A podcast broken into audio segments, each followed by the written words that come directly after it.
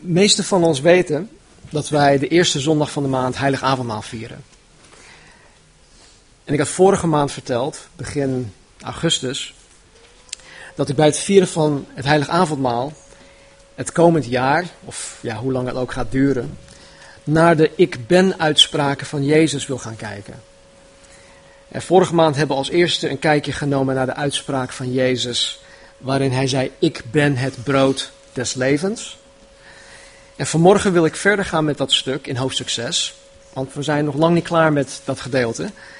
Maar voordat we daar naartoe zullen gaan met z'n allen, wil ik nog even een moment nemen om uh, te kijken naar de betekenis van die twee woorden. Ik ben. Want ik ben is geen volledige zin. Het is eigenlijk grammatisch gezien is dat niet correct. Maar toch worden die woorden samen in de Bijbel geschreven. En uh, we zullen daar naar gaan, daarna gaan kijken.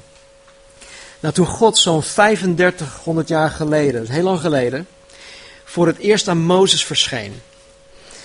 Toen vroeg Mozes aan God, wie bent u? Wat is uw naam? Waarop God antwoordde, mijn naam is ik ben die ik ben. Noem mij maar, ik ben. En God zegt hiermee tegen Mozes en ook tegen ons vandaag, van zichzelf, van ik ben, dat hij, God, als enige, als enige, alles voor ons kan en wil zijn. Hij wil en kan alles voor ons zijn, alles dat we nodig hebben.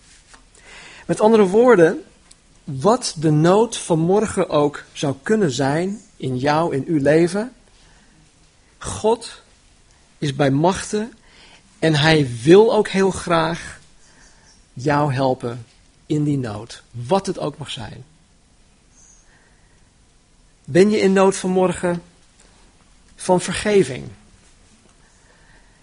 Wil je vanmorgen met een schone lei beginnen?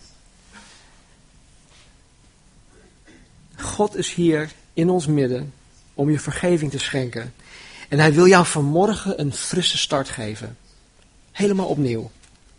Sterker nog, als je nooit eerder zijn vergeving hebt ontvangen, als je nog nooit eerder de keus hebt gemaakt om Jezus Christus na te volgen, dan wil God je een heel nieuw leven geven vanmorgen.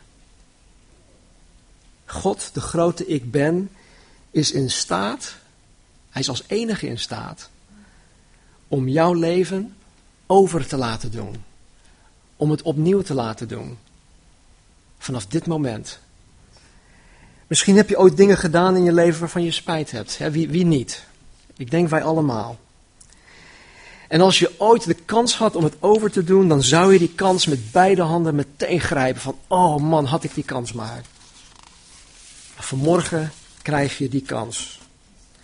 Misschien heb je het zelfs zo vaak en zo erg verknald met God, even tussen aanhalingstekens. En misschien denk je dat God helemaal klaar is met jou. Misschien heb je zo'n enorme leegte in je leven. En je hebt zo lang geprobeerd om die leegte in je leven met allerlei verschillende dingen op te vullen. Misschien loop je vanmorgen rond met het gevoel van onvrede. Ongenoegzaamheid, onvoldoening of doelloosheid. Je leeft niet, je bestaat alleen maar. En waardoor je zoiets hebt van, joh, er, moet toch meer zijn in dit leven. Er moet toch meer zijn. Misschien ben je zelfs al jarenlang een christen. Je komt heel trouw naar de kerkdiensten. Je dient zelfs de Heer, je hebt een bediening. Je geeft je tiende heel trouw, maar toch, toch voel je je leeg. Nou, vanmorgen biedt God, de grote ik ben, ons allen de gelegenheid om vanmorgen een frisse start te maken. Voor sommigen om het helemaal over te doen. Voor anderen misschien gewoon, oké, ik begin vandaag met een frisse start. Er is één voorwaarde. Je moet ingaan op zijn aanbod. En je moet het op zijn manier doen. Vele mensen hebben zoiets van, ja, ik geloof wel in God, maar ik geloof in God op mijn manier. Maar God zegt nee, het is goed dat je in mij wil geloven, maar dan moet je het op mijn manier doen. Want God is niet alleen de ik ben die in staat is om alles te doen. God is ook alwetend. En hij weet als enige wat het allerbeste is voor jou. En het allerbeste voor jou is, is om in hem te gaan geloven zoals hij dat wil. En op het moment dat je die stap zet, op het moment dat je je, je wil ertoe aanzet om te willen gaan geloven, dan laat hij je dat ook zien. En ook geen moment eerder. De meeste mensen zeggen, ja, ik geloof pas als ik het zie. Nou, zo werkt dat niet. Je ziet pas op het moment dat je gaat geloven. Dan gaan je ogen open. Er is niemand anders in dit heel heelal, in dit heel universum, die ons dit kan aanbieden. Niemand. Dus laten we gaan kijken wat naar de ik ben vanmorgen over zichzelf tot ons te zeggen heeft en wat onze respons hierop moet zijn. Want hij zegt het niet alleen, zomaar. Nee, hij verwacht van ons een respons. En dat respons mogen wij vanmorgen ook, ook doen. Die mogen we ook geven. Trouwens, mocht je het verhaal van Mozes niet kennen, daar kan ik me ook iets bij voorstellen. Lees dan het tweede boek in de Bijbel, dat heet Exodus. Als je thuis geen Bijbel hebt, laat het me weten. Dan kan je een Bijbel te leen, leen krijgen. Hoe dan ook, als je het, niet, het verhaal niet kent, lees het, want het is, heel, het is een heel mooi verhaal. Nou, laten we nu zo'n 1500 jaar in de geschiedenis vooruitspoelen. En kijken naar wat Jezus Christus, de Zoon van God, van zichzelf te zeggen heeft. De Bijbel noemt Jezus Christus de Zoon van God. En dat betekent dat Jezus Christus zelf 100% God is. Hij is de Zoon van God. Johannes, de schrijver van het vierde boek in het Nieuw Testament, Johannes Evangelie, probeert het de mens duidelijk te maken dat Jezus Christus de enige echte God is. Dat er buiten hem geen andere God mogelijk is. Hij is het. En vandaar dat Johannes tot elfmaal toe de term zoon van God gebruikt om Jezus te omschrijven. Hij gebruikt andere termen om hem te omschrijven, maar zoon van God duidt op zijn goddelijkheid. Hij is God. Jezus Christus is dezelfde ik ben als de ik ben die 3500 jaar geleden aan Mozes verscheen. Precies dezelfde. En in Johannes 20, vers 31 zegt Johannes dat de reden dat hij het evangelie van Johannes geschreven heeft is opdat je gelooft dat Jezus de Christus is, de Zoon van God, en opdat u gelooft het leven hebt in zijn naam. De Bijbel spreekt telkens over leven. De mens die niet tot wedergeboorte is gekomen, het geestelijk leven, die kent dit leven niet. Die heeft een, eigenlijk alleen maar een bestaan. Maar die heeft het leven van God niet. En Jezus is gekomen om ons leven te geven. Nou, zoals God de Vader zichzelf aan Mozes en de Israëlieten bekend maakte als ik ben, eh, wil ik vanmorgen dus kijken naar hoe Jezus Christus zichzelf aan ons bekend maakt als de ik ben.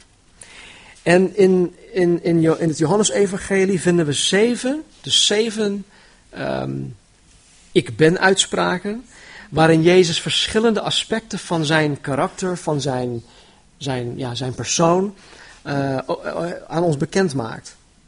Nou, in hoofdstuk 6, waar we vorige, vorige maand mee zijn begonnen, zegt hij: Ik ben het brood des levens. In hoofdstuk 8 zegt hij: Ik ben het licht der wereld. In hoofdstuk 10 zegt hij: Ik ben de deur. Ook in hoofdstuk 10 zegt hij: Ik ben de goede herder. In hoofdstuk 11 zegt hij: Ik ben de opstanding en ik ben het leven. In hoofdstuk 14: Ik ben de weg, de waarheid en het leven. In hoofdstuk 15 zegt hij: Ik ben de ware wijnstok.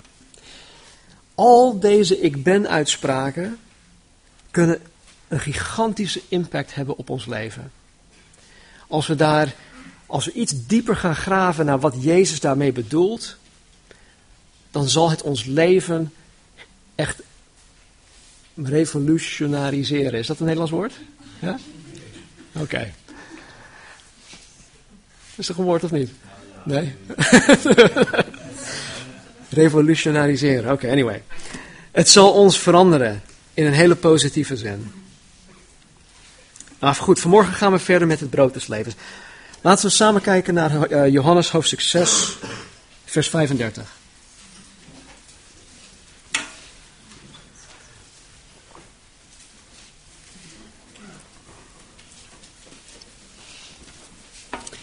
Johannes 6, vers 35.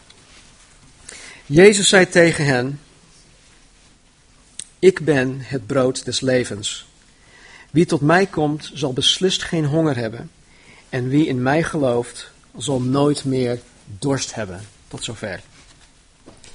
Als mens zijnde weten wij wat honger en dorst betekent. Ik geloof niet dat wij weten wat het is om honger te lijden. Maar ik geloof wel dat we weten wat honger en dorst is. want om hard, om, als, je, als je bijvoorbeeld hard gewerkt hebt of hard gesport hebt, en dan kom je thuis, dan kan je flink honger krijgen van dit, dat soort activiteiten. Met dorst is het precies hetzelfde. Vooral bij lichamelijke beweging in, in het warme weer kan je nogal dorst krijgen. Maar Jezus heeft het hier niet over onze lichamelijke dorst en honger. Hij gebruikt honger en dorst slechts als een voorbeeld, zodat wij het snappen. want het is voor ons herkenbaar. Wij weten wat het is om hongerig te zijn, om dorst te hebben. Dus honger en dorst snappen wij en vandaar dat hij het als een uh, voorbeeld gebruikt. Jezus heeft het niet over een lichamelijke honger, maar hij heeft het over een innerlijke honger en een dorst. Iets heel diep binnenin. Iets dat je, ja, waar mensen het eigenlijk niet eens over hebben. Zo diep is dat. Zo, vanuit zo diep komt die innerlijke honger. Hij heeft het over een innerlijke hunkering naar God. En elk mens die ooit geboren is op deze aarde, heeft deze honger. Mensen proberen het weg te drukken. Mensen proberen het te ontkennen. Mensen doen er allerlei verschillende dingen mee. En Jezus zegt: als je tot mij komt, zal je beslist geen honger meer hebben. En, wie dorst, en als je mij gelooft, zal je beslist geen dorst, zal je geen dorst meer, meer hebben. En hij heeft het over die, die innerlijke geestelijke honger en dorst naar God toe. Dus elk mens heeft dit, alleen weet de mens niet, ze zijn er niet van bewust, dat zij naar God verlangen. En dat zij een innerlijke honger en dorst hebben naar God. En deze, deze honger en deze dorst, deze ehm, innerlijke dorst, die, die, die komt in, uh, ja, tot uiting in veel verschillende manieren. Het komt op veel verschillende wijzen komt dat tot uiting. Ik ga niet alle, alle dingen noemen, maar ik denk dat het heel erg duidelijk tot uiting komt in ontevredenheid. Deze honger komt tot uiting in, in ontevredenheid. Ontevreden met jezelf. Hoe je eruit ziet. Eh, hoe je leven eruit ziet. Hoe je verleden eruit ziet. Hoe je toekomstperspectief eruit ziet. Ontevredenheid over je familie. misschien als kind zijnde ben je ontevreden met je ouders. Of als ouder zijnde ben je ontevreden met je kinderen. Ontevredenheid over je vrienden, de school waarop je zit, de baan die je hebt, het huis waarin je woont, de auto die je hebt. Misschien is het wel de gemeente Haarlemmermeer. Of de Nederlandse overheid, de economie, enzovoort, enzovoort. Ga er maar door. We kunnen over veel dingen ontevreden zijn. Misschien ben je zelfs ontevreden over de kerk waar God je heeft geplaatst. Dat kan ook.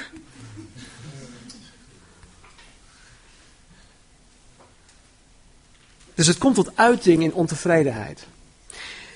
Die innerlijke honger en dorst komt ook tot uiting in de dingen die je najaagt. om die honger of die leegte te vullen. Je, je, denkt, je doet het niet bewust, je zegt niet: Oké, ik heb honger van binnenin, dus ik ga dit doen. Nee, het is een onbewust iets, maar je hunkert naar iets en je jaagt dingen na. En je jaagt ze na om die leegte in je leven te vullen. Sommige mensen denken, ja, zodra ik een levenspartner krijg, dan zal die leegte gevuld worden. of zodra ik een kind krijg, of meerdere kinderen, dan zal ik betekenis hebben in het leven. Of zodra ik die, die, die wereldbaan heb, waar ik, waar, waar, waartoe ik opgeleid ben. ik, ik heb zo'n mooie cv opgebouwd en nou, die wereldbaan, als ik die baan heb, dan zal ik tevreden zijn. Of zodra ik de loterij win, dan ben ik binnen. Wat het ook mag zijn. En begrijp me absoluut niet verkeerd. Begrijp me niet verkeerd. Er is op zich niets misverkeerd aan deze dingen. Of niets mis met deze dingen. Maar als je deze dingen najaagt om die leegte te vullen, dan zal je teleurgesteld worden. Uiteindelijk komt het erop neer dat degene met een innerlijke honger en dorst van binnenin leeg is. Er is een leegte in zijn en haar hart die niet gevuld kan worden met dingen die vergaan, vergankelijke dingen. Dus al doe je je hele leven lang je best om geluk te vinden, om tevredenheid te vinden, om voldoening te vinden. Als je dit zoekt in dingen die vergaan, dan zal je van binnenin nog altijd leeg blijven. Weet je, ik zie mensen die naar de buitenwereld toe een zekere mate van succes uitstralen. Ze hebben een mooi huis, ze hebben mooie auto's, ja, ze dragen mooie kleren. Ook niks mis mee, begrijp me niet verkeerd. Maar ze stralen een, zekere mate van succes uit naar de wereld toe. En ze worden zelfs door hun collega's, familie, vrienden, door hun buren benijd. Wegens hun schijnbaar succes. In Amerika hebben we gezegd, hè, keeping up with the Joneses. En dat betekent dat joh, als die buurman een, een, een, een, mooie BMW heeft, ja, dan wil ik ook een BMW. Want ja, eh, hij heeft een BMW, dus ik moet er ook eentje hebben. En zo gaat dat. En ja, dan heeft die weer dat. Oh, die heeft een zwembad gebouwd. Oh, dan moet ik ook een zwembad. Maar goed, dat, dat, dat gaat tot, echt, tot het gekke toe uh, gaat, dat, gaat dat door. Maar toch, ondanks het succes, blijft die leegte onvervuld. Ze blijven hongeren en dorsten. Jullie kennen vast wel Harrison Ford, acteur. Wereldberoemd. Hij zei ooit in een interview dat ondanks alle succes, beroemdheid en geld voelde hij zich leeg. Wie van ons, hè, voordat we tot bekering kwamen, hoop, hoop ik, had ooit het verlangen om zeg maar, oh, was ik maar een Harrison Ford. Misschien niet per se hem, maar zoiets. Had ik maar die roem, had ik maar wat geld, had ik maar het, het succes. Maar die man voelt zich leeg. Hij voelt zich leeg. John Rockefeller, een van de rijkste mensen uit zijn, uit zijn tijd.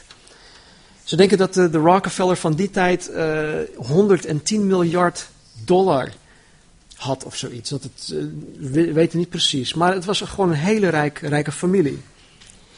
Hij werd ooit gevraagd, John, wanneer is het genoeg? Wanneer ben je tevreden? Hoeveel geld heb je nodig om tevreden te zijn? Zijn antwoord daarop was: nog maar een beetje meer. Met andere woorden, het is nooit genoeg. Hij zal nooit tevreden zijn, want elke keer moet hij toch maar een beetje meer hebben. Dus die leegte die hij heeft, zal nooit door geld, door succes, door roem, door wat dan ook vervuld worden. Hij bleef leeg. En daarom zegt Jezus, ik ben het brood des levens. Wie tot mij komt, zal beslist geen honger hebben. En wie in mij gelooft, zal nooit meer dorst hebben. Jezus is de enige die je innerlijke honger kan verzadigen. Die je innerlijke dorst kan lessen. Hij is het brood des levens, ofwel het levengevende brood. Als je nog nooit eerder in je leven tot Jezus bent gekomen, dan heb je vanmorgen op een of andere manier een innerlijke honger en dorst. Je kan het ontkennen, maar ik durf te zeggen dat je een innerlijke honger en dorst hebt. Je ervaart een bepaalde leegte die je, die je niet kan vullen. Je ervaart onrust, onvrede. En tot jou zegt Jezus vanmorgen: Kom tot mij. Ik zal je vullen, ik zal je rust geven. Ik zal je honger verzadigen, ik zal je dorst lessen. Maar hoe kom je tot Jezus? Enerzijds is het heel eenvoudig. Anderzijds is het ook heel erg moeilijk. Hoe kom je tot Jezus? Je komt tot Jezus in geloof. Voor een kind is dat heel makkelijk. Tuurlijk geloof ik. Ja, maar waarom dan? Omdat het er staat. Omdat ik het weet. En hoe weet je dat? Ik weet het gewoon. Ja, maar. Hmm, het is toch moeilijk in de praktijk. Nee, dus. Het is zo eenvoudig. Maar wij mensen maken het zo moeilijk. Dus hoe kom je tot Jezus? Je komt tot Hem in geloof. Je komt tot Jezus zoals je bent. En je erkent dat je een zondaar bent. Oeh, daar heb je dat woord, zondaar. Niet leuk. Een zondaar betekent simpelweg dat je niet volmaakt bent. Geen van ons is volmaakt. We schieten allemaal tekort. Hoe kom je tot Jezus? Je herkent dat je je hele leven lang niet naar Jezus hebt geluisterd. Want je kent hem niet. En dat je je hele leven lang eigenlijk je rug tot God had gekeerd. Hoe kom je tot Jezus? Je maakt nu vanmorgen een beslissing om je vanaf dit moment tot God, tot Jezus te keren. En je vraagt Hem om jou te vergeven. Je vraagt Hem om je leven te vervullen, om jouw innerlijke honger te verzadigen en jouw innerlijke dorst te gaan lessen. Zo eenvoudig ligt dat. Je hoeft het hem alleen maar te vragen. Jezus biedt het je aan, de keuzes aan jou om het aan te nemen. Als ik aan Arto een cadeau geef, een model van een eh, Audi RS8 of zoiets, en ik geef hem het cadeau. Ik kan het blijven aanbieden, maar tenzij hij het van mij neemt en zegt: Dankjewel, Stan, ik accepteer het, ik neem het aan. Nu is het van hem. En is het precies hetzelfde. Jezus biedt zijn leven aan en het is aan ons om het aan te nemen, te accepteren. Ik ben het brood des levens. Wie tot mij komt zal beslist geen honger hebben en wie in mij gelooft zal nooit meer dorst hebben. Nou, als je eenmaal die keuze hebt gemaakt om tot Jezus te komen, en dat hebben velen van ons gedaan, dan moet je blijven komen. Dan moet je blijven komen. Het is niet een eenmalige handeling, maar een blijvende toenadering tot Jezus. Je blijft komen. Eenmaal wedergeboren moet de christen van het brood des levens blijven eten. Het moet. En wat is het brood waarvan ik als christen moet eten? Wat denken jullie?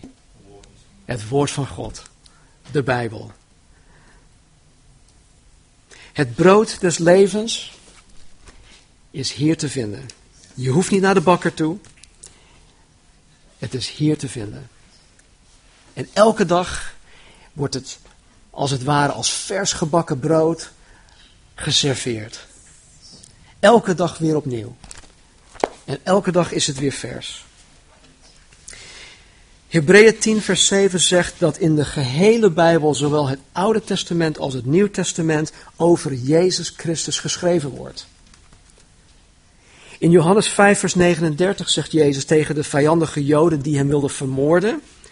Hij zegt: Jullie lezen in de boeken van Mozes en de profeten, dus het Oude Testament, omdat je denkt daarin het eeuwig leven te vinden. Nou, op zich niet verkeerd. Maar hij zegt, al die boeken die, waarin jullie lezen, die getuigen van mij. Alles wat in die boeken staat, wordt geschreven over mij, zegt Jezus. Dus waar kunnen wij eten van het brood des levens. Het is hier, in Gods woord. De Bijbel draait uiteindelijk om één persoon, Jezus Christus, het brood des levens. En de Bijbel is dé plek waar, hij, waar wij het brood des levens kunnen vinden. Dus, ik spreek nu even tot de christenen. Wil je als christen zijnde verder? Als christen zijnde is het niet zo dat je blijft, of ja, uh, blijft staan op één plek. Of je boekt vooruitgang in je geestelijk leven, of je valt af en je gaat achteruit. Het is nooit zo dat je ergens blijft staan of blijft, blijft liggen. Dus christenen, willen jullie verder? Dan moet je van het brood des levens elke dag blijven eten. En dit doe je door Jezus te zoeken, te vinden, door je Bijbel te lezen, door je Bijbel te bestuderen, door je Bijbel jezelf eigen te maken. Om het tot je te nemen. Toen de Israëlieten 40 jaar lang in de woestijn vertoefden, gaf God hun op een gegeven moment uh, manna te eten. Als je dat verhaal niet kent, lees dat ook. In Exodus. De Bijbel noemt dat brood uit de hemel. God gaf ochtends vroeg, ochtends vroeg gaf God elke dag genoeg manna om de Israëlieten voor die dag te voorzien van eten. Elke dag hadden ze genoeg om zichzelf helemaal vol te eten. Maar deze manna had een houdbaarheid van één dag. Zij konden bijvoorbeeld niet voor een paar dagen of voor een week manna inslaan. En hun boodschappenkar vol, volgooien met manna.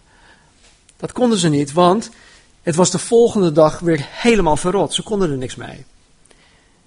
Dus elke dag moesten ze opnieuw manna eten. En elke dag moesten ze opnieuw manna verzamelen voor die dag. En wanneer kwam die manna? Tijdens de lunch of tijdens avondeten? Nee, het kwam ochtends vroeg. En God heeft dit zo gedaan, geloof ik, omdat Hij ons wil laten zien dat wij dagelijks, elke ochtend weer opnieuw van het brood des levens moeten gaan eten. Dus concreet betekent dit voor de christen dat hij of zij dagelijks tot Jezus moet komen. Dagelijks het woord van God tot zich te nemen om die innerlijke honger en die innerlijke dorst te verzadigen en te lessen. Heb je vanmorgen als christen zijnde een innerlijke honger die maar onverzadigd blijft? Ik heb het nu tegen de christenen. Heb je als christen een innerlijke honger die maar onverzadigd blijft? Heb je een innerlijke dorst die maar niet gelest kan worden? Ben jij vanmorgen als christen zijnde leeg? Misschien denk je wel, ja, maar hoe kan dat? Ik, ik ben ooit tot Jezus gekomen en Jezus zegt hier, wie tot mij komt zal beslist geen honger hebben en wie in mij gelooft zal nooit meer dorst hebben. Ik heb dat ooit gedaan. Waarom zeg je nou dat ik misschien leeg kan zijn?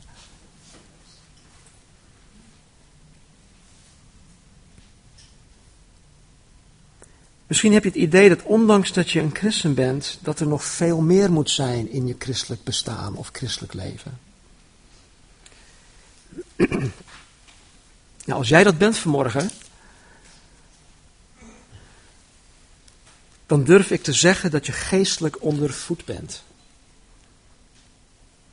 Je lijdt geestelijk honger. En als je daar niets in verandert, dan zal je na verloop van tijd langzaam, maar zeker geestelijk wegkwijnen.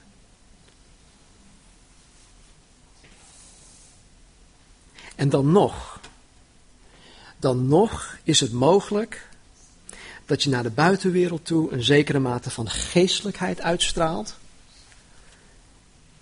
maar van binnenin, in het allerdiepste van je, van je, van je wezen, Ben je uitgehongerd? Ben je uitgeput? Daarom zegt Jezus, ik ben het brood des levens. Wie tot mij komt, zal beslist geen honger hebben. En wie in mij gelooft, zal nooit meer dorst hebben. Het is geen eenmalig iets dat we ooit doen of gedaan hebben. Wij moeten blijven komen. Zoals wij dagelijks de koelkast ingaan en iets te eten eh, maken of, of grijpen. En dat we naar de, naar de, supermarkt gaan, horen wij ook dagelijks ons geest te voeden. Het geestelijk leven te voeden. De Heilige Geest heeft tot mij gesproken door dit woord. En ik weet zeker dat de Heilige Geest vanmorgen door het woord ook tot jullie heeft gesproken. Want dat doet hij. Dat is zijn ding. Dat is zijn werk. Ik hoef niet te bidden en te smeken van, oh Heer, wilt je alsjeblieft spreken? Oh, alsjeblieft. Nee, dat doet hij nou. Hij doet dat nou eenmaal. Wanneer we het woord openen, dan spreekt hij. En daarom wil ik een ieder uitdagen om vanmorgen misschien voor de allereerste keer tot Jezus te komen. En in Hem te geloven dat Hij de Zoon van God is. Dat is één. Ook wil ik een ieder uitdagen die vanmorgen misschien tot, opnieuw tot Jezus wil komen. Om van Hem te eten, het brood des levens tot je te nemen.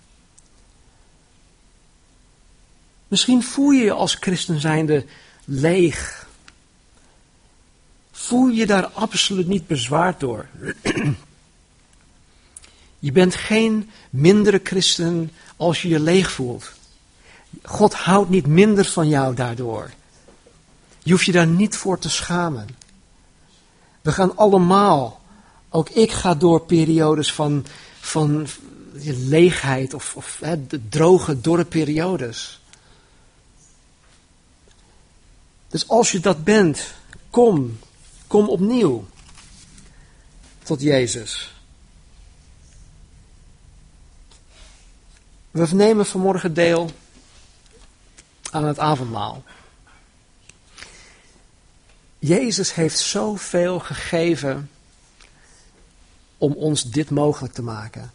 Om dit aanbod mogelijk te maken. En het zou gewoon zonde zijn als je daar als mens zijnde niet op ingaat.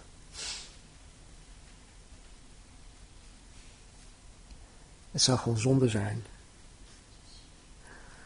Laten we bidden. Vader, ik dank u voor uw woord. Ik dank u voor de Heilige Geest. Heer, u bent zo getrouw. Heren, waar ik, waar wij als mensen falen, heren, waar wij on, niet trouw zijn, blijft u de getrouwe. En heren, ik weet dat u vanmorgen tot een ieder van ons gesproken heeft. U weet precies hoe wij nu in het leven staan. U weet precies waar wij u nodig hebben. En u weet ook precies wat we nodig hebben, heren, om die innerlijke dorst en honger te verzadigen.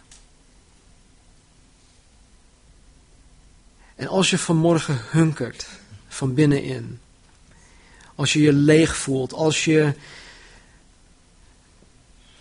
zowel als als je nog nooit eerder tot Jezus Christus bent gekomen. Of misschien als christen zijnde, als je je leeg voelt, als je die honger ervaart. Kom tot Hem. Kom tot Hem. En hoe kom je tot Hem? Je komt tot Hem in geloof. Bid, vraag het aan Hem, praat met God. Het is zo eenvoudig. Dus Vader, ik bid voor een ieder. Ik bid voor een ieder Heer die zich vanmorgen voor het allereerst aan u wil geven. Kom hen tegemoet. Pak hun Jezus bij de hand en leid hun naar uzelf toe. En heren, degene die, die zich leeg voelen, laat hen tot het besef komen, Vader, dat ze dagelijks tot u moeten komen. Heren, help ons daarbij. We hebben u nodig. En heren, terwijl we het heilig avondmaal ook zullen nuttigen. Heer, ik bid voor een Een uitstorting, Heer, van uw Heilige Geest op een ieder van ons. Heer, verkwik ons, versterk ons, geef ons kracht, geef ons nieuwe moed. Geef ons alles dat we nodig hebben, Heer, om deze zaal vervuld en verzadigd, Heer, door uw geest, deze zaal te verlaten. Help ons, kom ons tegemoet, Heer. De naam van uw Zoon, Jezus Christus, het brood des levens. Dank u wel. Amen. Terwijl Andrea en Linda een aantal liederen gaan zingen, wil ik je vragen om vanaf je plek gewoon de tijd te nemen om met God te praten. Het is een persoonlijk gesprek tussen jou en God. Dus doe je ogen dicht, doe wat nodig is, maar nader tot Jezus toe. En, en, en misschien zijn er bepaalde zaken in je leven die je op orde moet stellen. Nu is het moment. Beleid je zonde. Vraag hem om je te vergeven. Keer je terug tot hem. Heb je een innerlijke honger en dorst? Ben je leeg? Praat dan met Jezus. Geef het toe. Schaam je niet. En vraag hem om je leven te vervullen. Als je voor het eerst tot Jezus wil komen, zeg het tegen hem. Heer, ik wil tot u komen. Zet die eerste stap om die relatie met hem aan te gaan. En wanneer je dit doet, ben je vanaf dat moment opnieuw geboren. Je krijgt een schone lei, je maakt een nieuwe start, je mag je leven overdoen. Wie kan je dit aanbieden? Niemand. Maar vanmorgen krijg je die gelegenheid. Maak daar gebruik van. Dus wanneer je er klaar voor bent, terwijl er mooi gezongen wordt, kom naar voren, neem deel van het heilige avondmaal. Je mag het weer terug naar je stoel nemen. Als je wil dat er met je of voor je gebeden wordt, dan kun je naast het nuttig van het avondmaal ook naar voren komen. Ik ben bereid om met je, met je voor je te willen bidden. Dan zal ik hier aan de zijkant staan. Maar kom. Door deel te nemen aan het heilige avondmaal zeg je dat je het ermee eens bent wat de Bijbel ons leert over Jezus. Wat de Bijbel ons leert over de mens. Je zegt er ook mee dat, dat je bij Jezus hoort en dat je Hem met heel je hart wil navolgen. Dus het is voor een ieder die gelooft dat Jezus Christus de enige echte God is. Die als enige in staat is om je innerlijke honger te verzadigen en je innerlijke dorst te lessen. Dus wanneer je er klaar voor bent, kom naar voren om deel te nemen aan de elementen.